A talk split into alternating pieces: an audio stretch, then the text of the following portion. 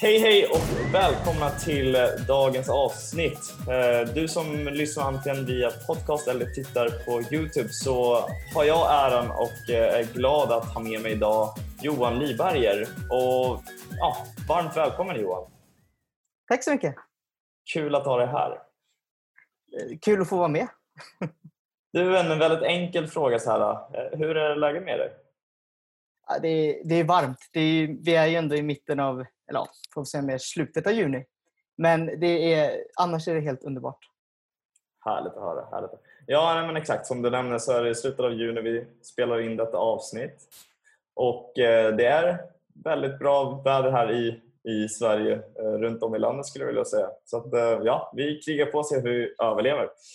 Men eh, för att komma bort från vädret så tänkte jag vi värmer upp lite med några snabba frågor och det här kallar jag då för fem snabba. Mm. Så det ska nog gå väldigt bra. Det är väldigt enkla frågor. Och Den första frågan Johan, det är vart är du ifrån? Jag är från Nykvarn som ligger utanför Södertälje.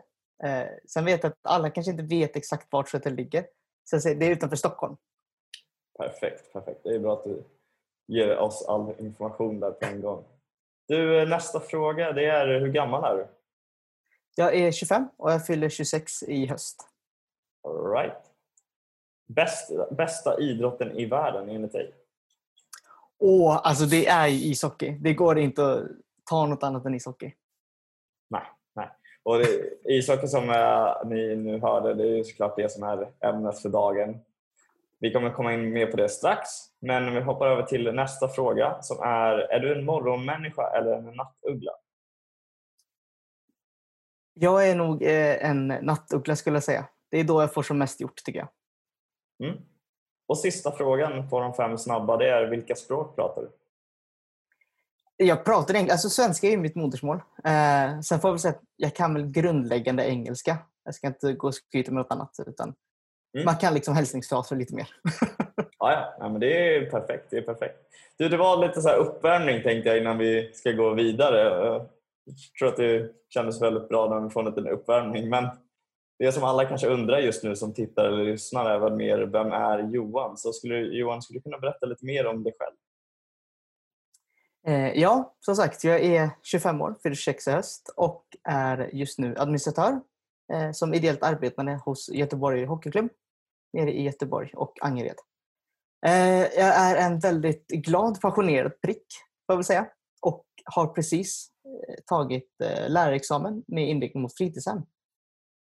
Stort grattis! Det är lite kort om mig. Tackar, tackar. Härligt att höra. Du, vi kommer ju såklart komma in mer på vad du gör och hur allting fungerar för dig. Men mm. eh, jag tänkte innan vi släpp, släpper dig helt här i början så tänkte jag fråga dig vad skulle du säga är ditt första idrottsminne? Oh, alltså det finns ju så många. Sa du första eller största? Ditt första första. Eh, det är nog när jag fick gå ut på isen som eh, Björnligan hette då i Södertälje Sportklubb där jag spelade. Eh, att få gå ut och känna den här kylan men också det att få stå på något vasst. Något som inte är... Ja, men man kan inte stå stadigt så att säga. Och jag minns, Det var så jobbigt men det var också så otroligt kul samma gång. För att jag, är, jag har lite prestationsångest och vill verkligen kunna allt på samma gång. Direkt när jag gör det. Eh, men det är också det är bland de lyckligaste gångerna jag minns att få stå ute på isen. Och hur, hur gammal var du när du, du gjorde det här? Då? Minns du det? Ja, det ska jag, säga. Jag, skulle, jag var sju och skulle fylla åtta när jag började. Okej, okay, okay. ja, Det är ju härligt att kunna komma ihåg det så specifikt liksom, tillbaka till den åldern. Men ja, du, det ja. mest för att Ursäkta. Nej, men man har väl mest fått återberättat också, men det var så tydligt att jag var så glad men så förbannad samtidigt. jag förstår, jag förstår. Ja, men kul ändå att höra. Eh, en annan fråga jag är nyfiken på innan vi går vidare, det är eh, hur du startar dina dagar. Jag skulle nog säga att man går upp. Eh, oftast går man väl in på, i badrummet och gör bara kör igång, liksom, äter frukost också och bara gör det som bästa situationer och tittar sig själva att idag blir en ny dag och idag kör vi och tar nya tag. Är det någon speciell frukost som, som ser till att du kommer igång? Nej, utan det, jag är sån där verkligen eh, ska man säga, dagsmänniska. Jag tar dag för dag och bara känner idag är jag sugen på det här, då tar jag det. Perfekt, perfekt. Men du, bra, då tror jag vi har fått lite mer koll på, på dig. Men nu tänkte jag mer liksom, så vi kommer fram till, till liksom dagens, till dagens situation och vad du egentligen gör då idag. Det är väl lite därför ja, vi har med dig också, för den här sportsliga kontexten. Och nu i det kommande delar så tänkte jag att vi skulle gå igenom hur du hamnat egentligen där du är idag. Så skulle du kunna spola tillbaka bandet lite kring hur du hamnade i, i Göteborgs Hockeyklubb? Ja, eh, jag var inne på LinkedIn. Fick höra av en kompis att det här är bra. Det, tänk dig att titta på LinkedIn. Det är bra att skapa. Det finns många professionella som använder det. Tänkte ja, ja, så gör jag det. Så var det en sommar för eh, ja, drygt tre år sedan, blir det väl, två år sedan ungefär. Att, eh, såg jag en annons där eh, föreningens ordförande Jan Mellgren hade lagt ut och sagt Hej, vi behöver det här och det här med hjälp till olika klubbar. Så tänkte jag, men det här låter väldigt intressant. Och så blev jag så här, ja, men Göteborg och Angered är en bit bort från Borås och jag har ingen bil och tänkte, jag kanske kan hjälpa till med någonting som sker via datorn. Så jag kontaktade Jan då och eh, kände att vi klickade direkt. Väldigt bra människa och väldigt trevlig och sympatisk och så. Och kände att ja, men här kan bli bra. Och så sa han det, vad vill du göra?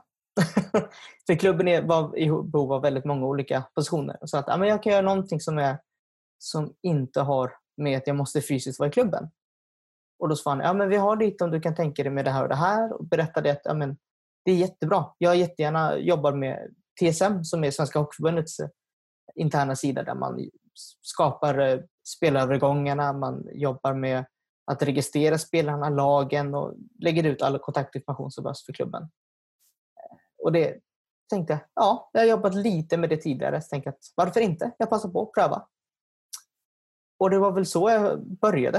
Eh, sen har det bara rullat på år för år att göra samma sak och haft jättekul med föreningen. Eh, och lärt känna fler och fler människor. Och för, att, för, att, för att stoppa upp det där lite, så du berättade att du är från Nykvarn.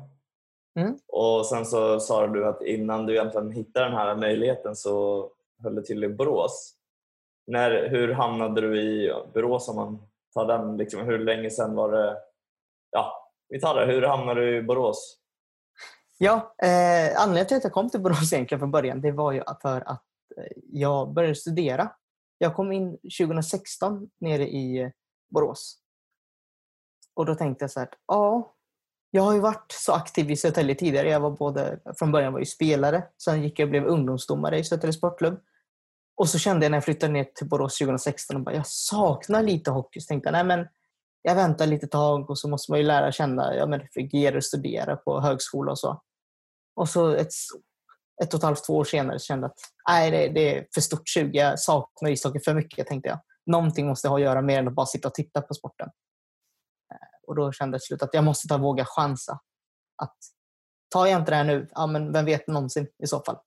Och klubben var ganska ny och väldigt öppna med vad de behövde hjälp med. Så tänkte jag att jag, jag prövar mig fram. Okej, okay. spännande. spännande. Okej, okay, så du, du har ju då eh, spelat flera år själv och mm. Hur, vad fick dig att eh, även bli domare? det, det var egentligen en utmaning för jag, jag minns att sista åren när jag spelade ishockey när jag var 14-15 år så tyckte jag att jag alltid klagade på domaren. Och pappa sa alltid att ah, nej men Johan, nu får du sluta hålla på det här. Det är domaren, det är domaren som dömer och domaren har rätt.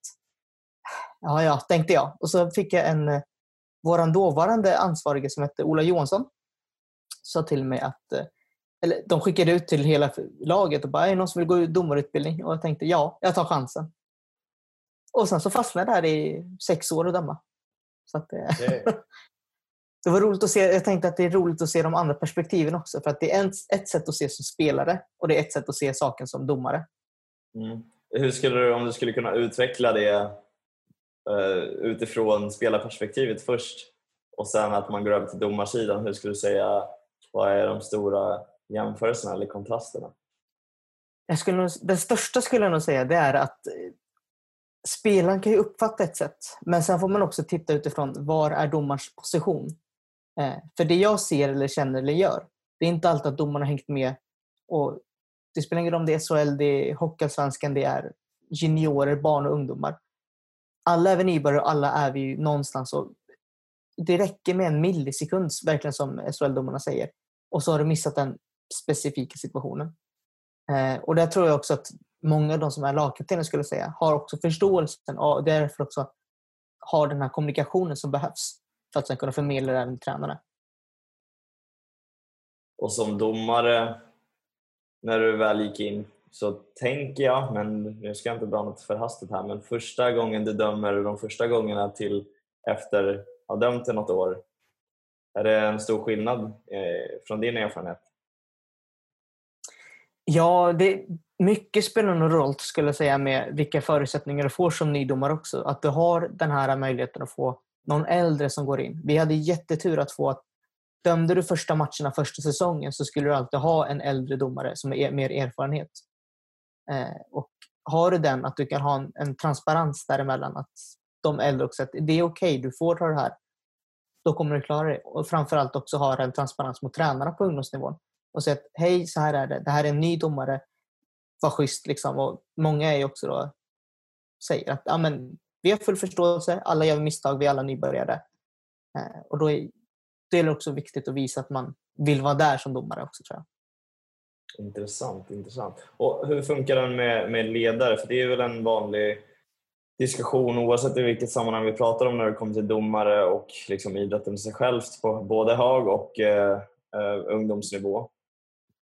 Hur kände du när du träffade ledarna? För, för jag antar att det var lite olika nivåer som du fick stöta på när du, när du dömde. Var det liksom, kände du att det var mottagande från de flesta nu som du mötte? Ja, eh, jag skulle nog säga att det mesta berodde nog på att man också visar upp att man har, att jag tror att man som domare också behöver ha den här pedagogiska sidan och visa upp att hej, så här är jag, liksom, går in med ett bra bemötande redan vid start. För att har man en bra hög nivå direkt och sen kanske om man säger det utifrån att man släpper lite på det, då vet man också att man blir mer acceptabel om man råkar göra ett misstag. Då är det många tränare som säger ah, att sånt händer och att man också vågar erkänna något misstag också. Att, Sorry, jag gjorde helt fel. Eh, för jag tänker att är man transparent som domare, då får man också en väldigt bra öppning till att få tränaren att förstå att det är inte SHL vi pratar om. Vi pratar kanske om 10-15-åringar max. Mm. Då blir det lättare också. Att, ja, men, kan man visa sig mänsklig då, då kan man också skapa bättre relationer, både spelare och eh, ledare. Vilken, för man fråga, vilken ålder började du döma? Eh, nu ska vi se, de var jag uni, åtta år var de första jag dömde. Okay. Upp till att de blev 15 tror jag var. Mm. Och när du gick in som domare, vilken, hur gammal var du när du började döma? Du? Jag var 15. Okay. Är det, får man börja tidigare eller är det en bra ålder tror du att gå in som domare i hockey? Jag tror att man får börja tidigare, men jag skulle nog säga att 14-15 är nog där för att du ska också ha vuxit till lite som människa tror jag. Eh, och jag säger absolut inte att man inte ska satsa innan, men jag tror att det är också viktigt att man, man lär känna sig själv också. Vem är jag i en ledarroll? Innan man då i så fall väljer också att gå in som domare. Mm. Och för att komma tillbaka nu till det du gör idag och hur du fick jobbet som du sa så dök det upp via LinkedIn. Mm. Om, man, eh, om man tar den kopplingen så kände du någon från klubben eller det var mer något som dök upp för dig via någon bekant på LinkedIn? Nej, jag, jag eh, kände ingen från klubben utan jag, jag tror helt ärligt, det dök upp bara av någon anledning.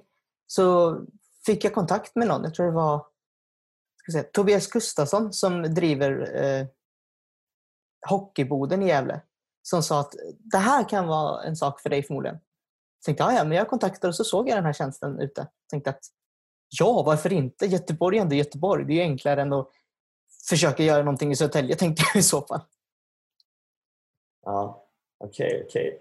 Ja, och då, hur, vad fick du förklarat med rollen? Du sa att det var lite olika, fanns lite olika roller som behövdes. Hur, hur gick det ihop för din sida? Liksom, av att, vad kunde du begära och vad, vad behövde de? Och hur, hur hittade ni den rollen du har? Ja, nej, men det, jag, de frågar ju som, som många andra. Så här, ja, men vem är du? Vad kan du för något? Och berättat ja, men jag har jobbat med systemet lite tidigare. Och så sa de, ja, men vill du göra så fick jag göra det. Eh, och då var jag också, berättade väldigt tydligt för dem också att ja, jag kan inte ta på mig allt för mycket i och med att jag studerar och har svårt att kombinera många saker med att både, både ha heltidsstudier och göra någonting som jag verkligen brinner för och har den stora passionen som man märker hos många eh, eldsjälar. Och då kände jag att jag börjar smått och sen kanske man tar steg för steg och utvecklar det. Okej. Okay.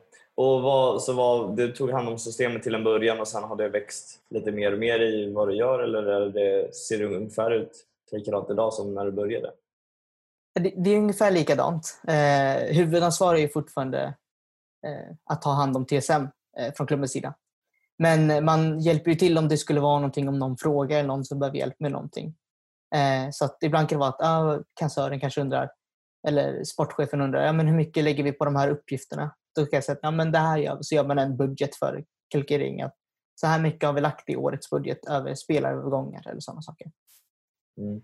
Och för de som då inte riktigt har koll på det, det kan vara man som lyssnar eller som man tittar just nu så har man kanske inte koll på, på hur det här systemet fungerar. Eller så, så är man intresserad av hockeyn men har mer kanske bara hört talat om systemet. Skulle du kunna förklara för, för oss som inte riktigt förstår vad systemet är på ett, på ett hyfsat enkelt sätt? Hur, vad är det man gör främst via systemet till exempel?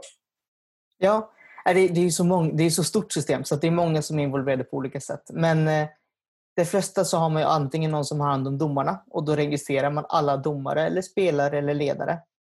Och eh, många klubbar har även som i min position då, som att man registrerar övergångarna och ser till så att ja, men, om det är någon spelare som byter, som tar exempel SHL, så kanske det är en Frölundspelare som byter till, till eh, Djurgården. Ja, men då, då görs det, man ser ju bara att ah, spelarna har bytt till den här klubben. Men bakom kulisserna om man säger så, så jag, skriver man in uppgifterna och för över dem och ser till så att det blir i systemet att den här tillhör inte längre för, för Frölunda utan att det är Djurgården som har hela full, full ansvaret och då använder sig av det. Och ja, ser till att den personen är försäkrad och så. Mm. Och det jag tänker på också i, i det här systemet så kanske det är lite beroende på säsong eller under året hur mycket arbete det krävs. Vad skulle du säga är vilka tider under året det är som mest arbete? jag skulle nog säga att det är någonstans eh, maj och augusti främst. För min del har det varit. Eh, för att i maj då börjar man registrera nya spelare och tittar igenom allting och juni när de öppnar upp allting. Men också i augusti när man börjar slutföra truppen och se till så att alla är korrekta och man registrerar alla spelare som ska vara allt ifrån A-laget ner till eh, barn och hockeyskolan. Så att, eh, sen är det väl också där någonstans i januari när det är ja, men, nya spelare som kommer precis innan transfers stänger. Liksom. Mm. För, att, för, att, för att för hockeysäsongen som du skulle säga börjar ungefär i augusti då och sen så kör, ja, kör man typ fram till maj, början av juni kanske. Ja, och det, det är ju så olika för att en hockeysäsong brukar man säga att den slutar ju, för de aktiva slutar de ju någonstans i april kanske om vi räknar med slutspel och sånt där. Men eh, för de runt om, runt om eller bakom kulisserna så är det mycket andra saker som sker. Mm. Eh, så det är väl lite det. Så jag skulle säga att men det är väl just februari, januari, februari och sen maj och augusti som är den största perioden när man jobbar då, som i min situation. Mm. Och nu har vi pratat lite mer om, om klubben. Vi har touchat på det lite och sagt Göteborgs Hockeyklubb. Skulle du vilja presentera lite mer kort om eh, klubben? Vad, vad är det för klubb du jobbar hos? Ja, jag jobbar då hos Göteborg HC som, är, eh, eller som har sitt säte i Angered. Eh, det är en klubb som jobbar väldigt, väldigt mycket med att se till att alla får spela hockey utifrån sina egna förutsättningar. Eh, och eh, jag vet inte hur mycket, det finns så mycket att säga. Det är så passion just nu som känner. Men den klubben gör så mycket och låter alla få vara med på sina egna villkor. Och det märks. Och det märks också framförallt de eldsjälar som finns i föreningen. Det går inte mer än att beskriva wow, vad de gör och vad de kämpar för att verkligen se till att alla får rätt förutsättningar. Mm. Och för, för, om jag har förstått det rätt så startade den här rätt nyligen, så det var 2014 om jag förstod det rätt som klubben kom till? Det är korrekt. Ja. Så när du kom in så var det bara några år på nacken? Ja. Och, och man kan väl säga att du har jobbat halva, halva klubbens eh, historia hittills? Ja, det var bra sagt. Så, så då tänker jag, hur har det sett ut för din, från, från dina ögon sett från när det började till vad, vad klubben står idag? Mycket har ju varit att man eh, har kämpat med att få se till att ekon dels ekonomin går runt men också att man har kämpat med att visa upp sig så i, alltså i Angered och Göteborg och hela distriktet om man säger så. Eh, och visa att vi finns och vi är här och vi gör det vi kan. Och vi kämpar och ja, det, det de är så duktiga. Kul att höra, kul att höra. Och då tänker jag på när du säger det, bland annat att försöka visa upp och det kanske är svårt i, att visa upp uh, att man finns för det finns väldigt mycket föreningar runt om i Sverige såklart. Mm. Hur, hur skulle du säga ni som klubb har försökt nå ut? Och, alltså, allt ifrån få dit nya, nya deltagare som spelar men även Eh, engagemanget runt om med eldsjälarna som du pratar om. Det är en fråga som är väldigt svår för mig som sitter som administratör. Jag har haft mycket mer med att sitta vid datorn på det sättet. Men eh, jag vet att eh, vi jobbar mycket med att försöka nå ut på sociala medier och vi har en fantastisk människa i Kerstin Sjögren som har hand om all utomstående kommunikation som, och kommersiellt arbete. Hon gör, är det obeskrivligt det hon gör. Hon gör allt för klubben verkar som. Mm. Nej men absolut, det kan jag förstå. Det, det, det är delegering som gäller mm. och det är det man kan ut, ut, uppnå mest med tänker jag. Men om en fråga som jag tänker på sett till din roll. Mm. Enligt dig, vad skulle du säga gör någon till en bra administratör? Jag skulle nog säga att det som gör en som en bra, det är jättesvårt att beskriva. Jag tror att det främst handlar om att man har passionen för det man gör och att man har ett intresse som sträcker sig över ja, vad man vill göra. Alltså det, det är verkligen att vara beredd på att få uppgifter och göra uppgifter som kanske inte är exakt det man gör. För att det, det beror också på vilken klubb du är. För att jag är i en klubb som är på väg upp nu. Så att då blir det också att man vill hjälpa till och göra mycket andra saker. Eh, och då är det viktigt att visa upp det också. För då kan du också nå högre upp än vad du tänkte dig från början. Och jag tror att är du en förening som är största klubben, alltså om vi pratar SHL eller Hockeyallsvenskan, ja, då kommer det ju vara där så att det kanske blir mer specifikt och eh, mer inriktat. Men jag får ju lite där, jag får hjälpa till lite där jag vill, känns det som just nu. Mm, eh, så att en bra administratör, det, ja, det är svårt att förklara för alla får så olika uppgifter. Mm. jag tror ändå du fångar in det bra av att det finns mycket att göra i många klubbar som man kanske tänker på och du kanske då har en roll och på pappret kanske står eh, några vissa uppgifter men att det kan dyka upp så många fler som man får bara se till att, att eh, hjälpa till med. Ja. Men du, en, kanske en svår fråga men ändå bästa tipset du har fått för, för liksom en roll som administratör? Har du har du stött på några tips från, från andra inom området? Det är så svårt för det är så många som har så olika roller. Men eh, jag skulle nog säga att våga fråga och våga göra fel. För det är så många som tänker att Åh, jag gör fel. Jag tänkte miljontals gånger att shit, gör jag rätt, gör jag fel? Men våga ta hjälp av dem i klubben och våga fråga de som har jobbat antingen innan som administratör i klubben eller de runt omkring klubben. För att det är många i idrottsvärlden vill ju också göra det bästa för klubben och vet man då att ja, men den här är ny och behöver lite hjälp, då kommer man våga ställa upp och man kommer få den hjälp man behöver. Det, det är obetydligt, eller obetydligt ska jag säga. Det, det betyder så mycket att verkligen våga ta hjälp. För att gör du inte det så kan det bli katastrofala förmodligen. Och Känner du att du misslyckas så kommer du inte göra det ändå. För det kommer vara så många som stöttar dig runt omkring. Och alla gör vi misstag. Det är nog den största lärdomen jag har fått lära mig under de här åren. Väldigt bra tips. Väldigt bra tips. Härligt. Du Johan, nu har vi kommit in eh, lite. Du har berättat om det själv, eh, om passionen. Och det är väl eh, lite det huvudsyftet i, i, den här, i den här podcasten och videocasten av att träffa människor med, med en passion inom idrotten.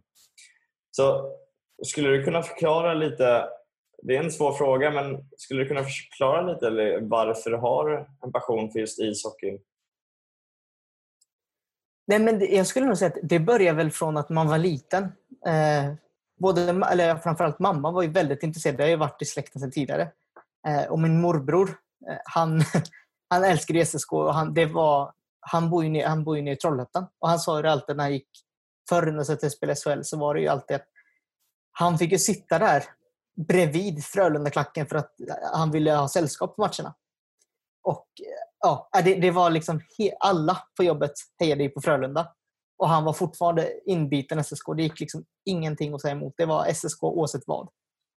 Eh, och det gjorde väl att till slut insåg att det här är kul. Det verkar roligt. Och sen så Nykvarn så var det ju många i min årskull också som gick Eh, på ishockey. Och så tänkte jag men det här vill jag också vara med. Det verkar vara roligt. Man får vänner och man får ha roligt och åka skridskor ute och så. Så jag tänkte att ja, men varför inte pröva på? Intressant, intressant. Och då, jag tänker liksom, går det att beskriva liksom mer, alltså, ja du testar ju på, men har du känt något specifikt, är det någon specifik känsla du känner när, antingen då när du spelade det eller som du även har varit då domare till att nu när du hjälper mer runt, runt sidan, eller vid sidan av ishockeyrinken? Jag skulle nog säga, alltså, det är så svårt att beskriva, men glädje, passion och ett en genuint intresse. För att det, det, blir som på något sätt en hockeyabstinens som inte går att förklara.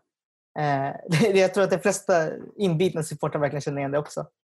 Men så fort det blir sån här, som, exempel, som idag, en varm dag, då är det så här, ja, nej, jag vill in i en iskall, kylig ishockeyhall och bara njuta av två lag som sitter och spelar. Det, det går inte riktigt att beskriva den känslan, men det, det är glädjen, gemenskapen och ja, men oavsett vad så att det alltid finns det här eh, supporterskapet över gränserna, alltså över laggränserna. Att se de här glädjen och framförallt när man ser när man tittar på ishockey-VM bland annat. Glädjen att alla njuter av det här och njuter av att få en gemenskap tillsammans oavsett var i Sverige man bor. Mm. Ja, det låter, det låter härligt. Det får mig att tänka själv på när man har tittat på ett mästerskap och hejar. man ser alla svenskar till exempel eh, mm. heja tillsammans och bli glada tillsammans men även kanske ledsna tillsammans. Men just det som du säger eh, fångar väl in det rätt bra att kunna dela det med, med andra. Ja, äh, det, det är en så stor sak att verkligen få se och vara med och uppleva sånt. Jag var ju volontär när Sverige hade hemma-VM senast.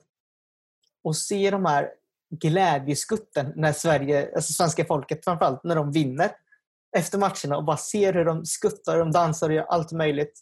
Och samma sak hur de går tillsammans arm om arm eller armkrok eller hand i hand eller vad som helst och är bittra eller är ledsna tillsammans. Just de här starka känslorna som förmedlas. Det är helt ofattbart att man ser och roligt att se alla de här känslorna. Mm, jag kan tänka mig det. Det måste ha varit en häftig upplevelse. Mm. När, när, var, när var det här som du, och vart var det någonstans? Var det i Stockholm? Det var i Stockholm. Och hur, kan du berätta lite mer om den, om den upplevelsen? det, det, det, ja det, det, var en väldigt stor upplevelse. Det var så roligt att dels framförallt få se på hemmaplan när de, Sverige vinner sitt VM-guld. Och man är en del av arbetsteamet, de som är volontärer där. Och få med och se glädjen för alla supportrar, oavsett om det var schweiziska eller om det var svenska supportrar. Se glädjen i att wow, mitt lag är i VM-final. Och ja, nej, men Det var ju mycket runt omkring det. Man märkte hur stämningen förändrades också när bröderna Sedin kom in och blev som frälsare i laget om man säger så. Mm. Mm. Vad var det du gjorde där? Då var jag, det kallades yttre säkerhet, men jag var entrévärd. Så jag tog hand om folket och mötte dem och kollade biljetter och framförallt... Nej, inte kolla biljetter, nu blev det fel. kollade att de inte hade något otillåtet med sig in på arenan. Och ja, men du vet, hälsar dem välkomna och visar att välkommen hit, hoppas ni får en kul dag. Var det eh, självklart att ställa upp eh, på, som volontär kring det?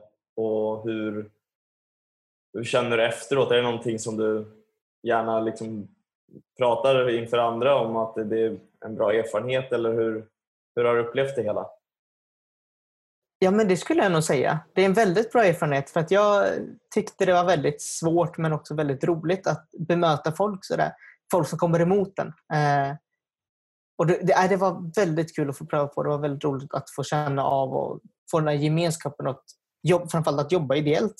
Det, man fick ju ingenting betalt, man fick ingenting, men det var just där gemenskapen i sig som verkligen visar upp i socken och många andra sporter. Att man får känna glädjen tillsammans. Eh, och stöttningen av varandra om det skulle hända någonting och så. Det, är det, det är oförklarligt. mm men jag tycker ändå du, du får, fångar en bra bild om att det finns många fler fördelar kanske bakom det än vad man tänker på innan man väl är där och tar del av det. Mm. Du, mitt i allt det här så tänkte jag, jag har bett dig att ta med något minnesvärt idrottsobjekt som kan vara kanske vad som helst. Det beror, lite på, jag har ingen aning om uh, vad du har tagit med dig men skulle du kunna visa och förklara för de som lyssnar också vad du har tagit med dig och varför? Ja, det finns ett som är ett, det är ett pris jag fick så jag ska visa alldeles mm.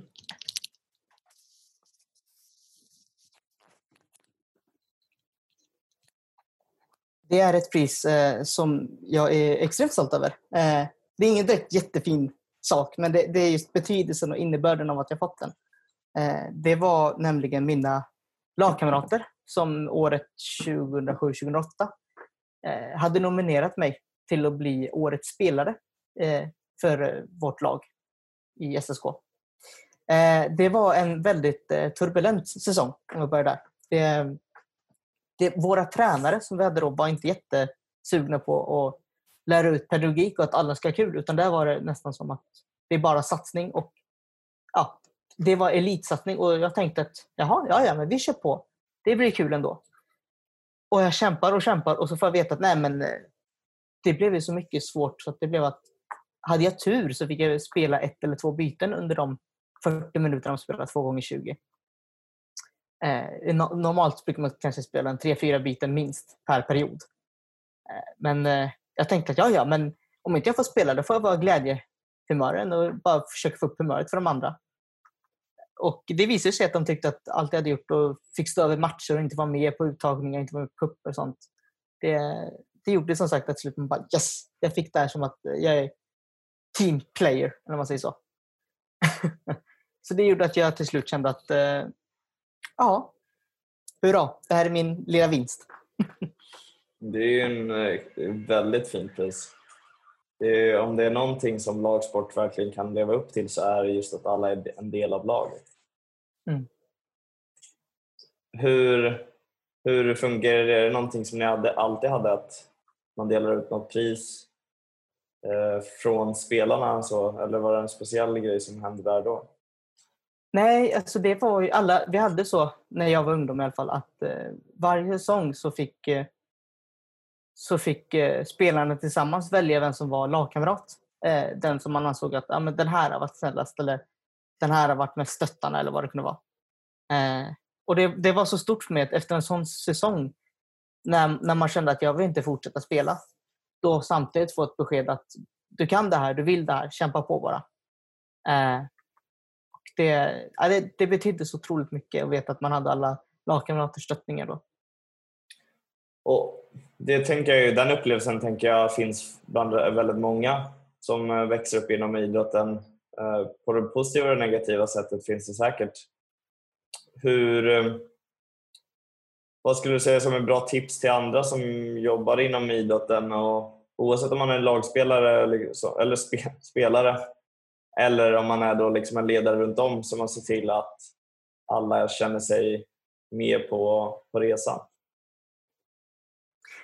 Jag skulle nog säga att man vågar, har man någonting man är fundersam över så tror jag att det bästa sättet det är att prata. Antingen om man pratar med någon som är i laget eller om man pratar med en förälder eller pratar med tränarna eller en ungdomsansvarig i klubben eller vad som helst. Men att man vågar prata om sakerna. Att om du känner dig utanför, våga ta det här och våga prata upp om det. För det är så många säkert som kanske mår dåligt på oavsett nivå, att man vågar prata om det. Eh, för det är först då som vi kan jobba och hjälpa varandra. Och samtidigt också om man är ledare, att titta en extra gång. Fråga alltid efter kanske någon träning eller innan träningarna. Fråga hur har dagen varit? Hur har du mått? Om det är någon som ja, men om det är någon som verkar nedstämd eller vad som helst. Det kan vara saker som inte ens har någonting med ishockeyn att göra. Men det var som en bra coach som jag sa att bara för att du kanske inte presterar bra på isen just nu så kanske du gör det om ett, tre år. Det kan vara saker som är runt omkring. Det kan vara dåliga hemförhållanden eller det kan vara i skolan eller vad som helst. Men att man både som lagledare, tränare, alla runt laget och lagkamraterna också pratar med varandra. Alltså, ska vi säga så lite mer, släpp machokulturen och tro att alla är bäst och alla är störst och så. Och våga prata med varandra och se att ja, men mår alla okej? Okay? För att det är först då man kan utvecklas både som spelare men också som lag och få en bra harmoni i hela gruppen. Klokt, klokt. Jag kan bara intyga att jag tycker det låter väldigt bra att alla som ser och eh, lyssnar på att ta med det. Oavsett vilken roll eller vad du gör. När du väl kommer i kontakt med idrotten så tror jag det är extremt viktigt att, att uh, hålla upp kommunikationen. Mm. Och det har varit jätte, just bara det, det, har varit en så fantastisk del också här i Göteborg att det var ett tag i höstas där jag hade mycket tufft och skulle göra klart eh, mitt examensarbete. Eh, och sa att jag hinner inte med allt som jag gjort tidigare. Det är väldigt tufft den här säsongen. Och de bara svarade direkt att gör det du gör, fokusera på det, skolan ska vara viktigast, punkt slut. Liksom. Och så tar vi hand om det och se till om det är någonting du behöver hjälp med eller behöver förändra. Då hjälper vi dig. Eh, och den typen av kommunikation, att både jag som då har problemet men också då mottagaren, som föreningen är i fallet, är öppna och hjälper varandra. Då kommer det och det löser sig helt underbart. Eh, det är just den där öppenheten igen som pratar om. Ja, bra. Det låter som en bra, en bra förening och bra kollegor runt om. Ja. Du, du har ju varit inne på det lite nu kanske att det kunde vara utmanande med tiden. Så jag mm. behöver inte riktigt kanske gå in på det, men jag tänkte på en fråga om som din roll som administratör.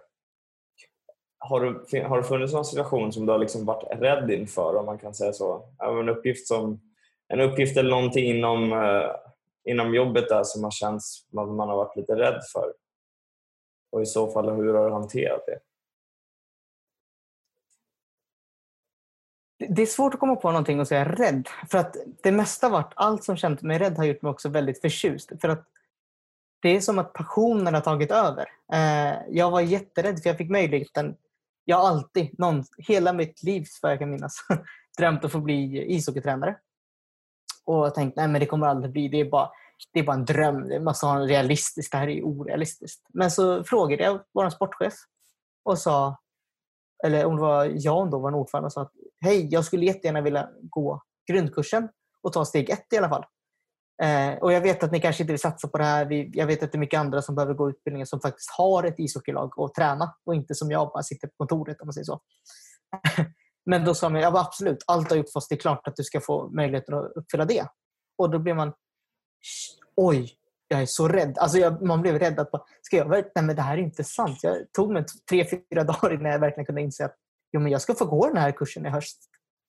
Och när jag väl var på väg till arenan i eh, Frölundaborg och tänkte att nu ska jag få gå kursen. Det här, det, det, är det här verkligen sant? Så känner man också samtidigt wow, det här är sant, det här ska bli kul. Och då helt plötsligt, allt som var av rädsla blev helt plötsligt bara glädje.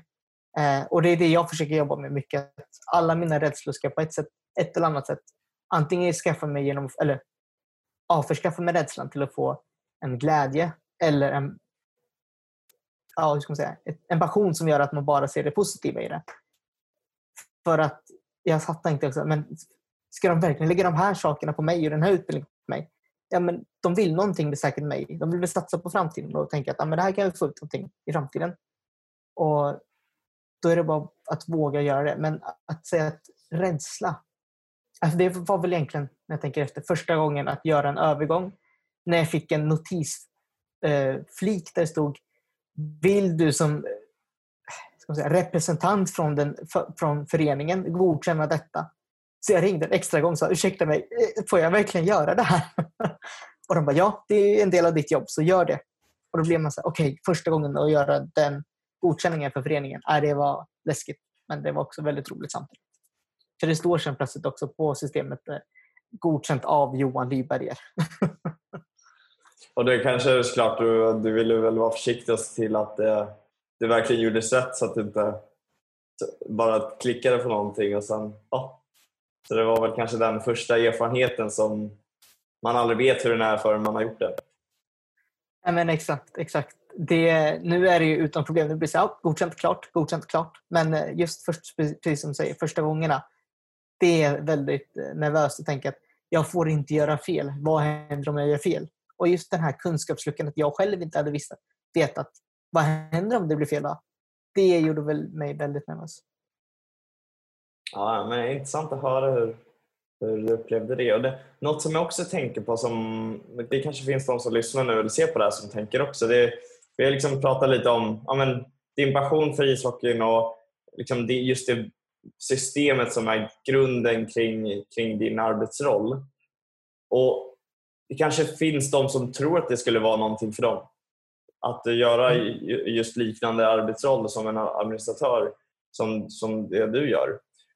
Men man kanske aldrig du vet, använt det verktyget. Hur, vad är din upplevelse om hur, hur lätt är det kanske att komma in i det? Och Det kan även vara en, en fråga i form av att det här låter ju som någonting jag borde kunna göra men hur skapar man den första erfarenheten? Hur kan, hur kan en person som lyssnar och ser på det här känna att det finns den här lokala klubben här i närheten. Hur, det hade varit jättekul men ja, hur går jag tillväga? Jag har ju ingen erfarenhet. Vad skulle vara din rekommendation och tips kring det? Jag skulle nog säga våga fråga och gå dit och gör. Säg det här är mina bra egenskaper. Det här kan jag bidra med i klubben och det här kan jag bidra med i föreningen i sig eller runt det här teamet om man vill vara någonting. Eh, jag kan väl säga erkänna att jag kände jag så till och med när jag började själv att jag har ingen, enskap, ingen erfarenhet, ingenting jag kunde. Jag visste väl att jag sett systemet men jag hade inte varit inne och rotat så som jag skulle, eller rotat, men arbetat med det som jag gör just nu. Vilket gör att jag blev lite väl skrämd men samtidigt väldigt lycklig att jag tog steget. För jag kände till slut att vill jag någonting så måste jag våga göra det också. Vad är det värsta som händer tänkte jag då? Jag får ett nej. Ja, men då försöker jag eh, söka till en ny klubb. Eh, och där tror jag också det... det jag, många av mina vänner beskriver mig som väldigt räddhare eh, när det gäller att göra nya saker. Och Jag har jättesvårt med förändringar. Men jag tänkte där då just när det gäller ishockey att vill jag någonstans så måste jag pröva. Och våga, ta chans, våga chansa. Det är nog det bästa rådet som går att säga. Våga chansa och visa upp vem du är som person. Så är det många klubbar förmodligen som kommer vilja ha hjälp. För det är många klubbar tror jag som behöver hjälp med det ideella engagemanget. Det räcker ibland kanske bara hjälpa till med två, två timmar eller tre timmar i veckan. Eller någon, något arbete här och där. Men av egen erfarenhet att det är många klubbar som blir glada av varenda lilla timme du älskar att få lägga ner på ditt arbete som då är ideellt engagemang. Mm, mm. Ja, bra, bra. Så att eh, du som tittar och lyssnar och undrar så helt enkelt bara kontakta och fråga. Det är det första du kan göra. Mm. Jag tänker vi går in på slutet av, av eh, den här tiden tillsammans här Johan. Yeah. Och Då är vi inne på sista delen som jag kallar overtime, eller övertid på svenska. Så att, eh, det är bara några, en liten stund kvar. Och, och Det första jag skulle vilja kolla med dig det är nu så här i efterhand. Är det någonting du kommer på som du gärna hade kanske velat veta innan du började på rollen som administratör? Det här är väldigt svårt. det, nu har man jobbat med det så länge, men jag skulle nog säga att eh,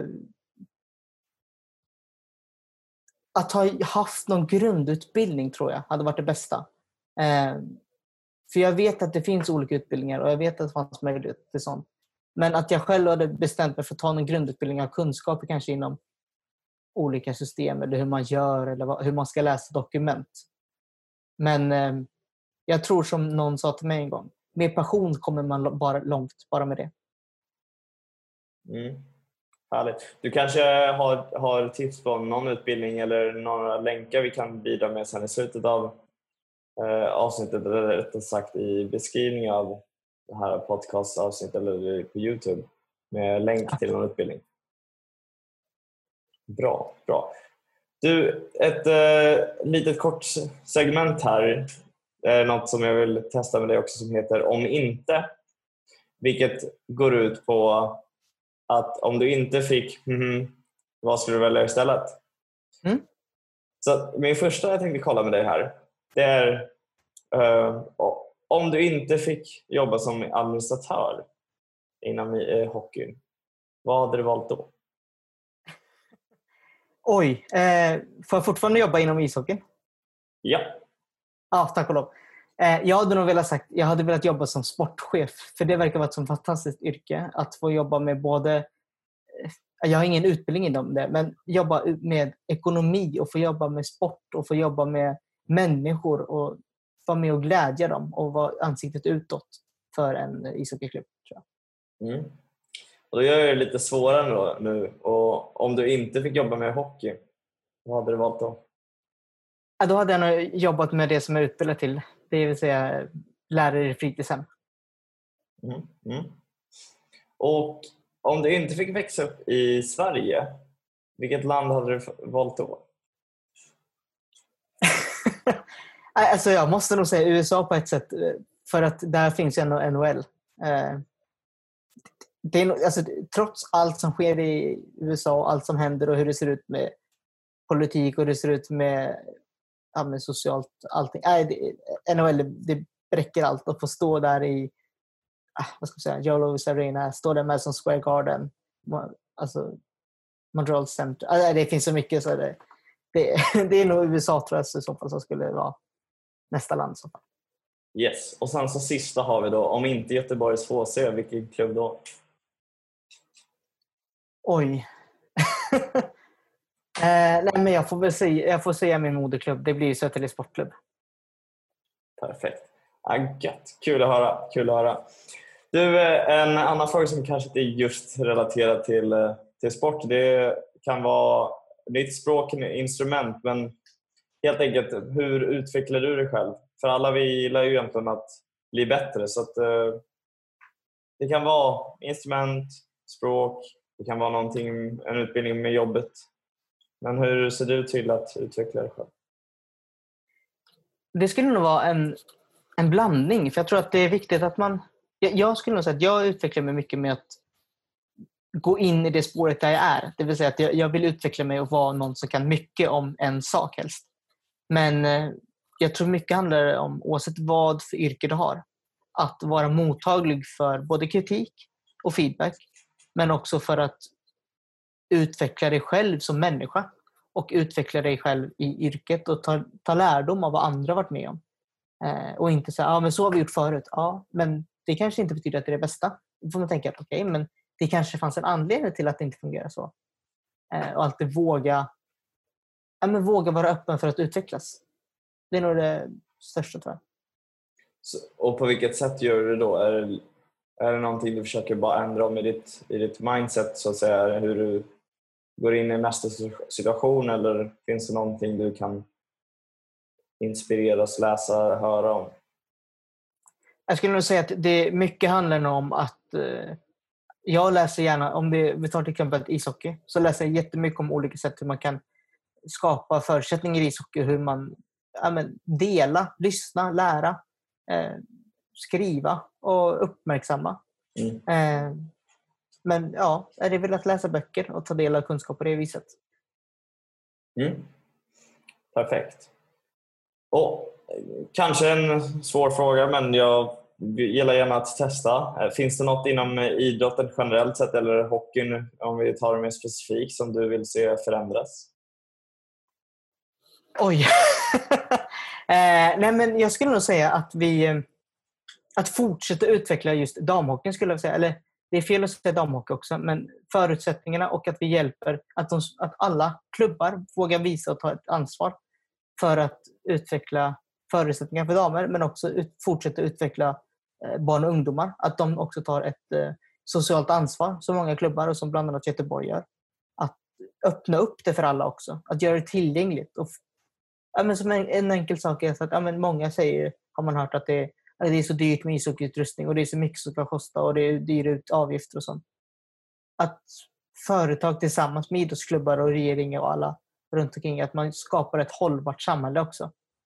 För jag tror att många som kanske, som sagt, det är mina egna tankar, eh, men att många som är i utanförskap kanske inte hade varit där om de hade fått förutsättningar. Kanske idrotta, gått på en fotbollsskola, gått på en ishockeyskola på vintrarna eller fått den där gemenskapen som kanske behövs just nu i dagens samhälle.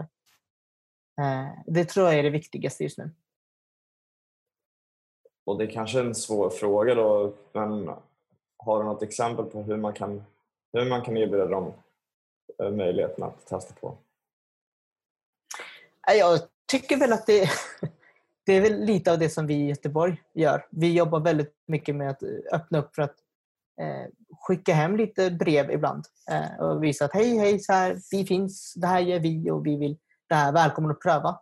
Eh, och ett jättebra sak som jag sett inför för, föregående säsong som det var, eh, jobbade vi med och tack och lov får vi säga också, vi fick hjälp av eh, spelarförbacket från NHL att eh, få utrustningar. Så att vi fick ju flera, jag tror det var 20 stycken utrustningar. Och det gjorde att hela utrustningen, och det gjorde ju att eh, vi kunde erbjuda barnen i hockeyskola den möjligheten att komma till oss och få pröva på. Och då får de pröva på en fem gånger tror jag det är, innan de i så fall bestämmer sig ja, för att kunna vara där på heltid eh, och betala medlemsavgiften i så fall. Men just det där att göra hockeyn som sport tror jag är mer tillgänglig oavsett var i landet du är tror jag. Mm. Ja, spännande. Du, eh, in på de sista frågorna. Mm. Så tänkte jag kolla du har varit inne på det lite, men varför ska man jobba med idrottslivet eller specifikt ishockeyn tycker du? För gemenskapens skull och för passionens skull och för alla fantastiska eldsjälar ute runt omkring i Sverige. Det är så många och man trivs tror jag. Eh, ja, det, det, är så svårt att säga det men jag tror det att det handlar mycket om att man ska vilja och jag tror att vill du och, och du känner det så kommer du njuta av det. Du kommer förmodligen må bättre. Jag kan säga av egen erfarenhet att jag mår mycket bättre både själsligt och kroppsligt av att känna att jag gör någonting och, och eh, hur ska man säga det, mer ja, men jag, jag som person får känna att jag gör nytta för en förening, för, för en klubb, för människor som kan hjälpa till och få vara delaktig i någonting större än just mig själv. Mm. Det tror jag är den största saken. Härligt.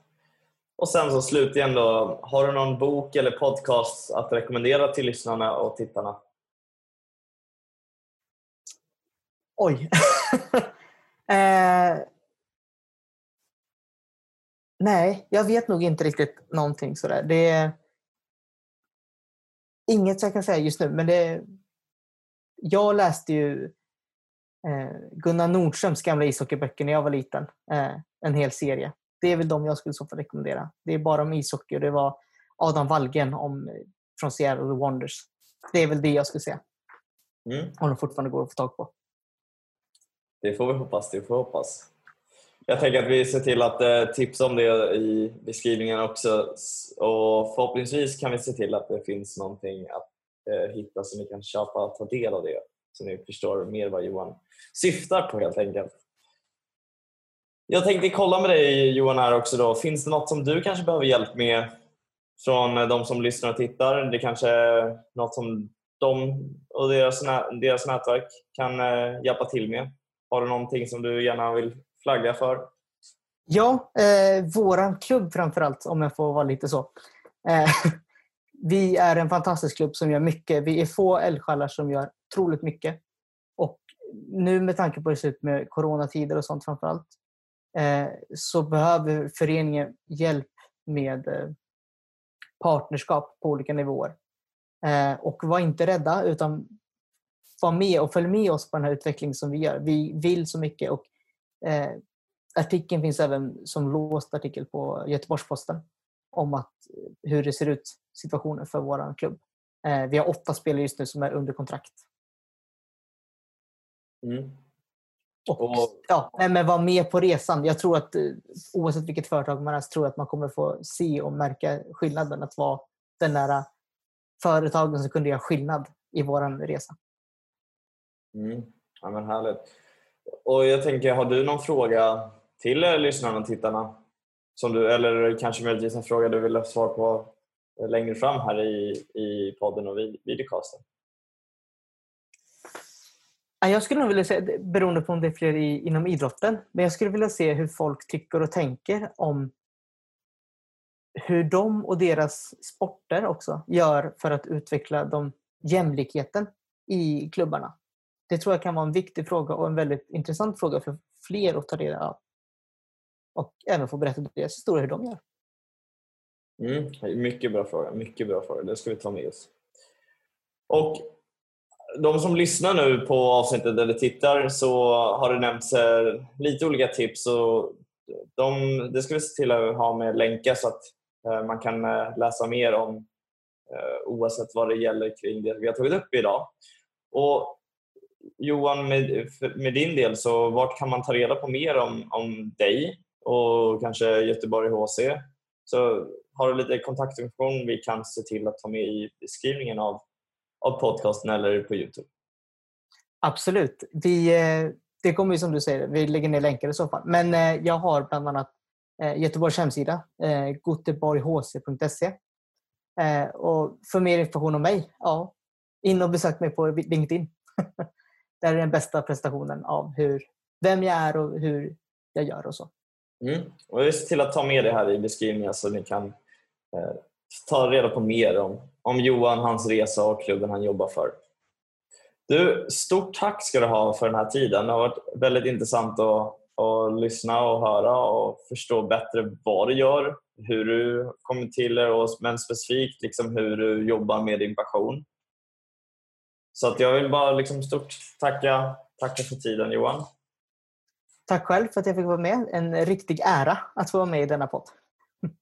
Och, och det som jag brukar göra när jag avslutar de här, eh, när, speciellt när det är videoformatet, det är ju att jag, eh, man tar handen mot kameran och så, så säger man eh, tack så mycket och det är så vi avslutar tänker jag.